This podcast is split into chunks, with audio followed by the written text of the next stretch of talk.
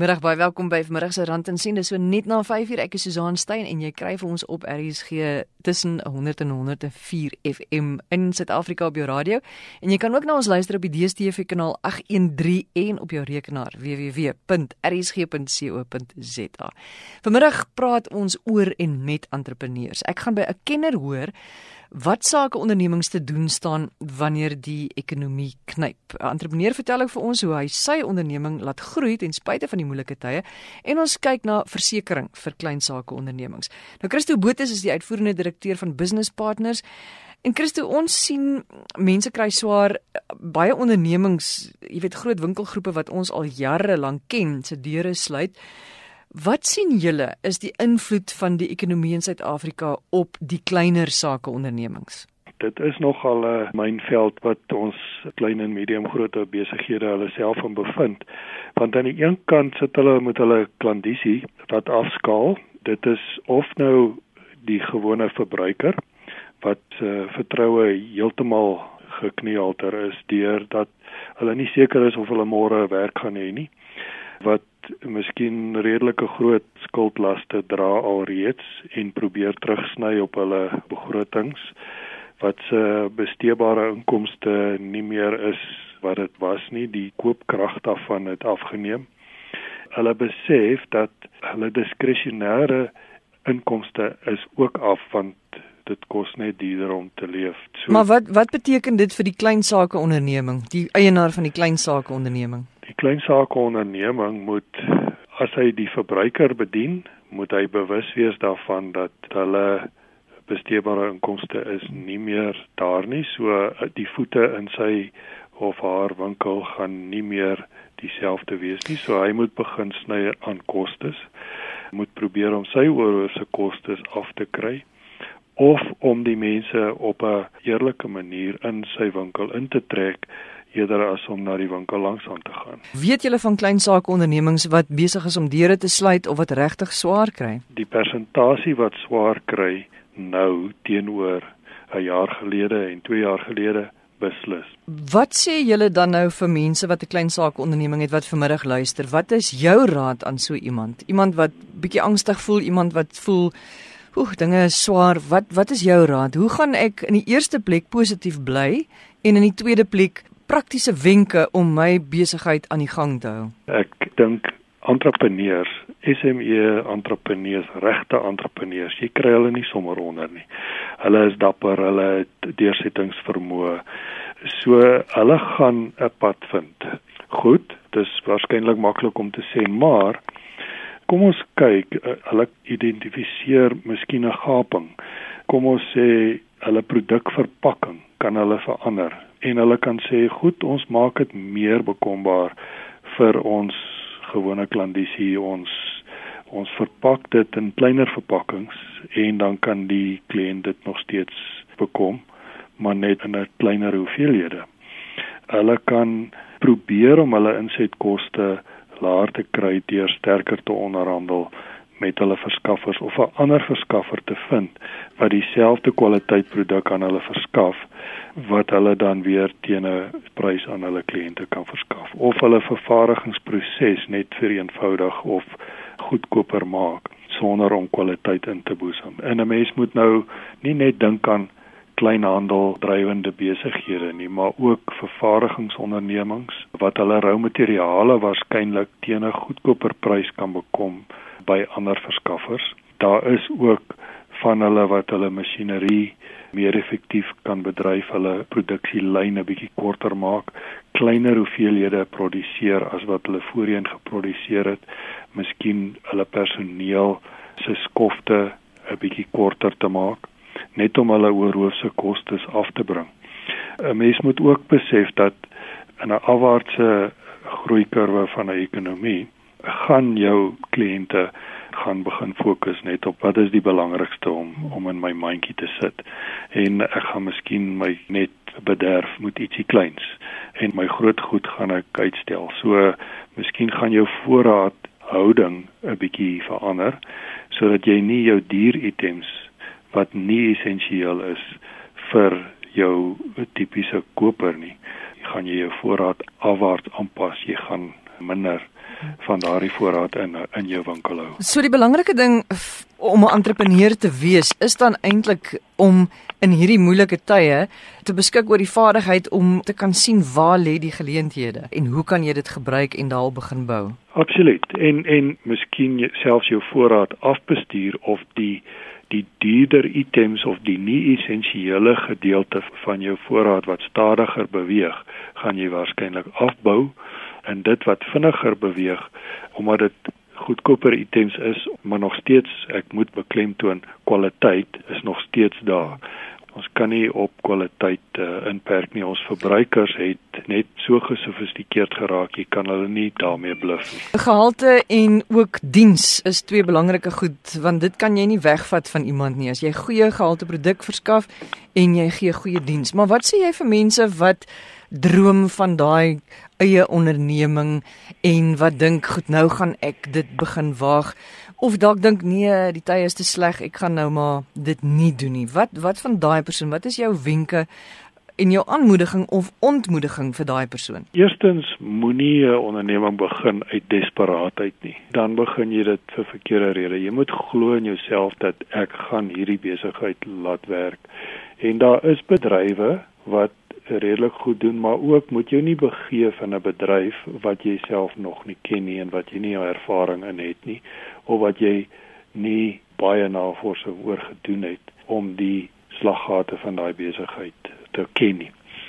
Definitief daar is nog geleenthede. As jy ervaring het in 'n bedryf en jy kan vir jouself 'n nis uitkerf, moet jy daarvoor gaan. En daar is heelwat bedrywe wat tans baie goed gaan die inligtingstegnologie bedryf wat al hoe meer en meer integreer met kommunikasie en e-handel. Daar's baie geleenthede. Daar's ook 'n laer drempel tot toetrede, so mens moet verwag daar gaan baie ander wees wat ook daarvoor ingaan, maar ook om betrokke te raak by die infrastruktuur van daai tipe tegnologie. Natuurlik in ons onderwys die privaat onderwys van 3, 4 jariges reg deur tot naskoolse kwalifikasies. Daarso is 'n baie goeie mark daarvoor. Maar dit moet weer eens iemand wees wat passievol is oor daai bedryf en dan in jouself in daai bedryf begewe. En ek praat van Advoctech en en Curo en so wat wat nou genoteerde maatskappye is maar daar's baie wat ook klein entrepreneurs is wat daai tipe besighede ook begin. Christo baie dankie vir jou tyd. Dis Christo Botha, hy is die uitvoerende direkteur van Business Partners. Nou ons is besig met 'n rand en sent en ons praat oor entrepreneurs en hoe mens jou sakebedrywighede aan die gang kan hou wanneer die ekonomie 'n bietjie swaar trek. Billy Phillips is die eienaar van Billy Phillips, dis 'n maatskappy wat spesialiseer in vloere, blindings en hortjies. En Billy as 'n entrepreneur met jou eie onderneming, want jy het redelik onlangs begin baie mense sal nou negatief voel en baie mense voel ja, die tye is swaar, miskien is dit nie 'n idee om nou te begin en en groot te gaan nie. Hoe hanteer jy die situasie, die moeiliker tye? Wat is jou siening om jou maatskappy te laat werk en te laat groei? Een ding wat ek maar nog altyd op fokus en net om by die mens te begin is ek is 'n baie positiewe persoon, so ek kyk meer na die positiewe kant van die lewe eerder as die negatiewe kant. So ek vra myself nog steeds die vraag resessie wat is dit? En ek het my dieselfde ding um, in my besigheid ook. Ek dink nie eers my staf weet eintlik wat resessies is want ons kap my elke dag hard aan. Maar die die hoofding is ek dink jy moet 'n baie duidelike visie hê en jy moet maar glo in jouself wat die visie aan betref. Groot deursettingsvermoë, oë op die prys elke liewe dag en elke ou kort maar ondersteuning. So jy het maar 'n raamwerk nodig van mense wat jou ondersteun. En dan as 'n eienaar moet jy jou besigheid baie goed ken. So sou enige iets vir jou wys dat 'n besigheid sukkel op 'n aspek, moet jy weet waar dit is, jy moet dit aanhaal, jy moet dit kan analiseer en weer voortbou op dit. So wat ek gedoen het, ek het basies twee klein besigheidjies oorgeneem. So daar was 'n klein basiese vorm van 'n kliëntetal en ek het 'n handelsmerk gestig. Ek het geweet dit is belangrik om 'n goeie handelsmerk te stig want van 'n handelsmerk af kan mens nogals baie doen. En ek ook net gesê maak nie saak wat die omstandighede is as dit swakker is, as dit goed is, jy kan altyd daai beginsel gebruik. soek jy 'n groter deel van die koek. As jy praat van 'n handelsmerk, weet jy kan nou een gaan stig, maar maar hoekom help dit jou? Op watter manier help dit 'n mens? Mense assosieer hulle self met 'n goeie handelsmerk. So en dit dit sit jou in die posisie ook om te kan uitbrei. So as mense die handelsmerk vertrou, dan vertrou hulle enigiets wat gepaard gaan met daai handelsmerk. Al begin ek 'n lappie verkoop onder die handelsmerk of ek begin 'n ekstra produklyn wat ek inbring, die oomblik wanneer dit geassosieer is met die handelsmerk dan het mense die vertroue. So dit skep 'n persepsie in die mark dat dit gepaard gaan met kwaliteit en dit maak dit makliker vir jou as sakeman om jou besigheid te groei. En hoe bou jy daai handelsmerk? Wel, ek het basies gaan sit en dink ek ek het geweet my besigheid moet groei en dan het ek myself gevra waartoe moet dit groei. So net met die maklike ding om 'n besigheid laat groei, het ek gesê in 'n land soos Suid-Afrika waar dienslewering ook baie belangrik is, dienslewering is oral belangrik, voel ek het ons so baie groei in dienslewering wat jy kan doen om jouself te vestig omdat die kompetisie voel ek is nie so erg nie en die basiese ondernemings wat goeie dienste lewer is redelik beperk. So ek het vir myself gesê kapitaliseer op elke potensiaal. So vandat 'n oproep inkom, wie antwoord die foon, hoe antwoord jy die foon? As iemand vra vir opmeting, hoe vinnig is daar iemand by daardie persoon se huis? As die persoon by daardie huis uitkom, hoe lyk daardie persoon? Is hy geklee in onderneming soos Engelsman maar sê gebrande klere. As jy daar is en jy doen die opmeting, hoe vinnig vat dit voordat die kliënt hulle kwotasie het? En so kyk jy die hele 360 grade proses gaan tot die werkie klaar gedoen is. Ek het gesien daar's baie besigheid wat verlore word omdat die mense nie vinnig genoeg reageer en kwaliteit genoeg reageer nie. So daarso is een aspek jy kan omtrent net 'n boek skryf oor dit wat jy daarmee kan doen.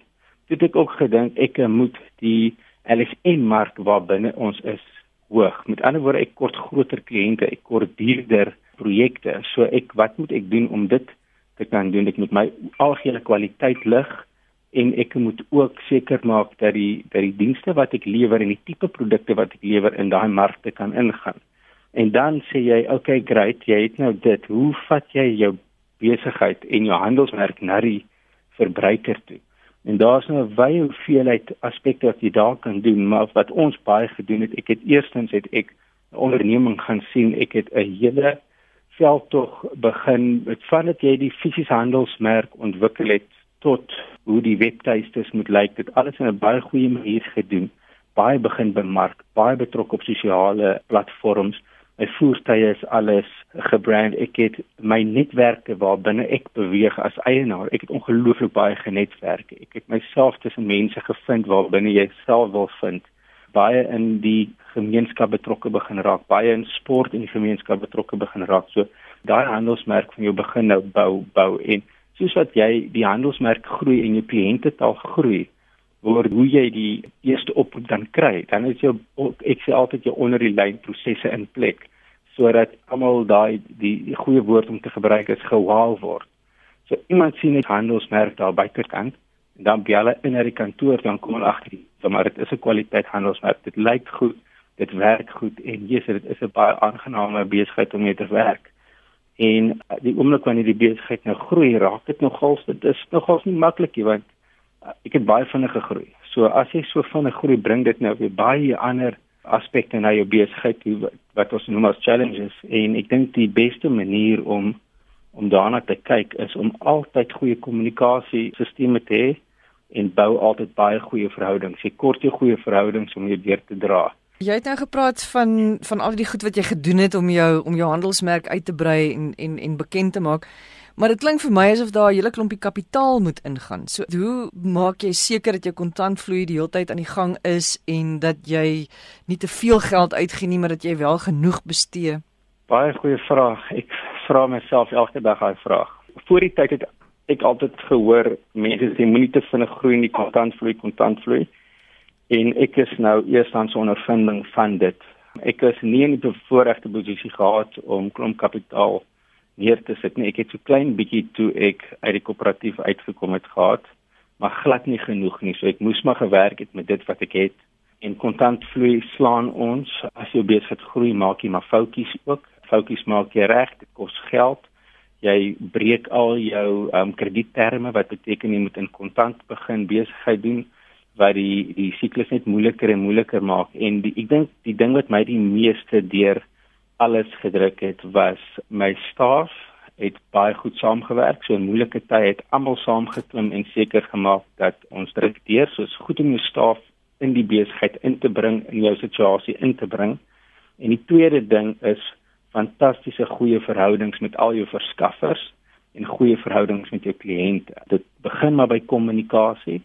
Ek dink as jy jou besigheidsvernote is dit jou verskaffers of wie ook al jy gebruik baie goeie verhoudinge kan bou, dan kan jy deur dit kom. Die grootste uitdagings wat 'n mens het, ek is seker daar is geweldig baie, maar veral wanneer dinge nou 'n bietjie begin swaar gaan en mense hulle beursies 'n bietjie toemaak, jy weet en en hulle begin net geld spandeer op dit wat regtig nodig is en nie op die goed wat bietjie luks is en hulle bederf nie. Wat wat se uitdagings is dit? Weet jy, Susan, maak nie saak of mens in 'n resessie ingaan nie. Daar's altyd genoeg besigheid. Ek dink as jou as besigheidseienaar se werk om seker te maak dat jy daai besigheid kry. 'n Goeie voorbeeld, ek kon drastiese afname in my hoeveelheid verkope oor die winter kry, maar ek het 'n 100% groei in omset getoon van die vorige winter se omset wat ons ingebring het. En die rede daarvoor is ek het my mark geskuif na ook 'n meer eksklusiewe mark toe. So ek het dadelik alhoewel die totale besigheid afgeneem het in die mark, het my besigheid toegeneem want ek het my besigheid, my dienste, die kwaliteit meer gediversifiseer so ek kon op 'n groter hoeveelheid groep mense toespits deur net jou basiese konservatiewe besigheid op 'n dag tot dag te bestuur en jou kliëntetaal net beperk hou. Beperk jouself in tye van moeilike omstandighede. Is daar nog ietsie wat jy wil byvoeg ter afsluiting, 'n woord van wysheid? 'n Woord van wysheid wat vir my deurgedra het is doelwitte.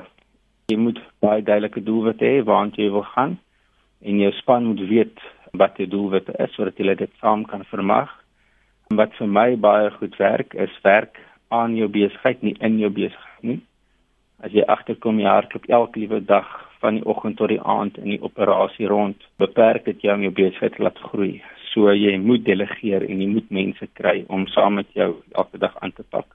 En jy as persoon, jy as eienaar en as ook jou bestuurspan moet elke dag ontwikkel. So moet jy nooit beperk nie en jy sal agterkom dinge wat onmoontlik lyk is baie meer moontlik as wat jy dink. Billy, dankie. Dit is Billy Philips, hy is die eienaar van Billy Philips se maatskappy wat spesialiseer in vloere, blindings en hortjies. Maar kom ons kyk na klein sake ondernemings en versekerings. Alex ter Blanche is die hoof van besigheidsversekering by Verseker. En Alex, jy het statistieke gebring van klein sake ondernemings en kom ons sê hulle verhouding of hulle gebrekkige verhouding tot versekerings. Die statistiek het vir ons gewys dat 69% van klein sake ondernemings is nie verseker nie die hoofrede daarvoor en ek dink dis die interessante deel. 44% van hierdie onversekerde populasie van sakeondernemings is nie verseker nie omdat hulle nie die produk verstaan nie of nie versekerings vir klein sakeondernemings verstaan nie. Wat moet ons weet oor versekerings van ons klein sakeonderneming? Die eerste belangrike ding is dat die versekeringsbehoeftes van sakeondernemings uh, verskil. Dit hang af in watter industrie jy werk, watter tipe werk jy doen, of dit hoofsaaklike bate ryk besigheid is of dit meer met uh, slegs personeel te doen het. So die eerste ding is om te verstaan dat dit nie 'n een, baie eenvoudige oplossing is nie en dat uh, dit gaan verskil van sake eienaar tot sake eienaar en die belangrike ding is om seker te maak dat die ondersoek en analise wat jy doen en die uiteindelike produk wat jy kies vir jou sakeonderneming moet omsien na die risikoblootstelling wat jy in jou unieke sakeonderneming het. As jy praat van produkte, waarvan praat jy? Die eerste ding is dat die meerderheid van klein sakeondernemings in Suid-Afrika definitief 'n motorkomponent in hulle besigheid. Dit in opsigself kan verskil van sakeonderneming tot sakeonderneming. Baie sakeondernemings het eenvoudige ligte voertuie en dit kan dan verskil en opgaan tot gespesialiseerde voertuie soos jou geelmetaal voertuie en jou swaarder kommersiële voertuie meeste van die uh, klein saakondernemings het dan 'n uh, gewone 'n kleiner batekomponent ook. Dit sal tipies wees toerusting, masjinerie wat ook in sekere gevalle baie kompleks en gespesialiseerd kan wees. Is dit nou toerusting en masjinerie sowel as sien maar kantoormeubels en liaseerkabinette? Inderdaad, en dan uh, het jy natuurlik die geboukomponent ook. Daar is natuurlik ook 'n ander minder tasbare komponent van versekeringsrisiko wat in 'n besigheid um, voorkom. En uh dit het te doen met uh met jou sakeverlies byvoorbeeld is as daar 'n uh, iets gebeur wat veroorsaak dat jy nie jou dag tot dag besigheid kan doen nie, lei jy finansiële verlies en daar's selfs 'n produk wat jou daarteen dek. Daar is uh, produkte wat kyk na die risiko wat uh, ontstaan omdat jy mense in diens neem en dit kan natuurlik wees enige iets wat te doen het met die bedrog van werknemers en so aan ook.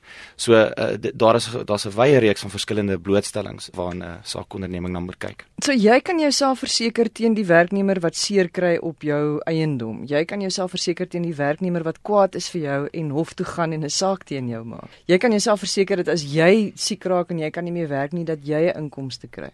Ja, die verskillende blootstellings wat jy nou daar genoem het Susan, dit is is is natuurlik onder verskillende produkte. 'n Mens moet uh, dan seker maak jy verstaan presies wat die dekker onder elkeen van hierdie produkte is en waarom ons glo dat dit, dit belangrik is vir 'n besigheidseienaar om met iemand te kan gesels wat opgelei is om hom te kan help om dit te verstaan. Maar Alex, die ding is nou gesels 'n mens met iemand wat die versekerings aan jou verkoop en dan dink jy jy het alles onder die knie en aan die dag as jy verseker dan kom jy agter maar hm, jy het iets nie raak gelees nie wat jy moes raak gelees het. Hoe kan jy daai ding vir my? Die belangrike ding is om seker te maak dat uh, as jy van 'n finansiële adviseur gebruik maak, dat finansiële adviseur oor die nodige kwalifikasies beskik wat hom toelaat om vir jou die finansiële advies te kan gee oor die produk. Versekering word dan ook oor die algemeen in Suid-Afrika en selfs vir klein besighede direk ehm um, verkoop. Dieselfde die is daarvan toepassing. Is om seker te maak dat die die versekeringsmaatskappy wie die produk koop en die agent met wie jy gesels die nodige opleiding het. 'n Ander ding is ook deesdae inligting oor finansiële produkte en in basiese risikobestuur is redelik maklik bekombaar. Veral in in vandag se tyd is is die inligting normaalweg op die op die internet beskikbaar en uh, ek dink dit is altyd baie belangrik om te kyk dat 'n mens jouself as 'n besigheidseienaar ook soveel as moontlik daarop um, uh, oplei. So daar kom dit maar weer in dat jy moet verantwoordelikheid neem en jy moet self jou huiswerk doen. Maar net gou-gou terug na die versekerings vir vir klein sake ondernemings. Sien nou maar jy het 'n onderneming en jy het vragmotors en jy het kleiner motors en so aan en jy het ook miskien produkte wat jy op 'n eiendom aanhou wat jy verkoop. Kan jy byvoorbeeld sê, weet jy wat, ek gaan nou maar die vragmotors verseker want as hulle iets oorkom is dit 'n baie duur storie, maar ek gaan nou maar nie my kantoormeubels verseker nie want dit gaan my 'n bietjie te veel uit die sak uitjaag. Ja, kyk uiteindelik is die blootstelling wat jy het 'n finansiële implikasie op jou besigheid. So jy moet gaan ondersoek instel oor wat kan tipies gebeur sou daar 'n verlies van 'n uh, sekere aard uh, gebeur. Sekere bates natuurlik is van groter waarde as ander. Sekere besigheidseienaars verkies om 'n sekere deel van daai risiko self te absorbeer. Dit spreek tot die hoe jy jou produk opstel. Tipies daar sal die grootte van jou bybetaling wees op jou op jou versekeringsproduk. Party 'n besigheidseienaars kan nie die ehm um, volatiliteit van 'n uh, finansiële impak in sy besigheid absorbeer nie. So hy sal tipies verkies om 'n laer bybetaling te hê en 'n groter hoeveelheid van sy bates insluitende die kleiner bates soos kantoortoerusting dan ook onder dekking te plaas.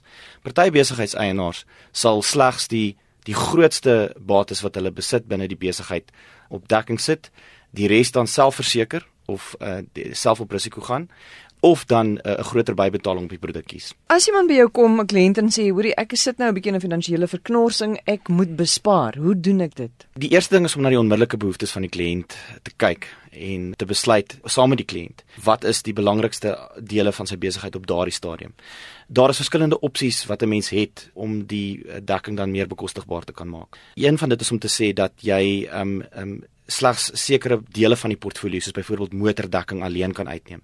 Binne motordekking is daar byvoorbeeld verskillende tipe dekkings. Jy kan totale omvattende dekking dan afskaal na net derde party dekking toe byvoorbeeld. Dan is daar die nie motordekking waar jy gewoonlik jou geboue het en jou alle risiko en uh toerusting wat dan in die besigheid gebruik word jy kan dan ook dan kies om sekere van jou dele daarvan aan te pas sodat jou premie meer bekostigbaar is, hoofsaaklik deur hoe jy die produk opstel, byvoorbeeld om 'n hoër bybetaling te kan kies. Maar weer eens, en die belangrike ding is is dat wat ook al opsie jy uitneem, moet na die finansiële behoeftes van jou saakonderneming omsien en dit moet ook bekostigbaar wees uiteindelik vir jou, nie net van 'n premie kant af nie, maar ook om seker te maak jy kan die bybetaling bykom in die geval van 'n eis. Alex baie dankie vir jou moeite om in te kom. Dis Alex Terblanche, hy is die hoof van besigheidsversekering by Verseker. Onthou die e-posadres susan@rsg.co.za. Jy kan ook weer na ons geluister by www.rsg.co.za.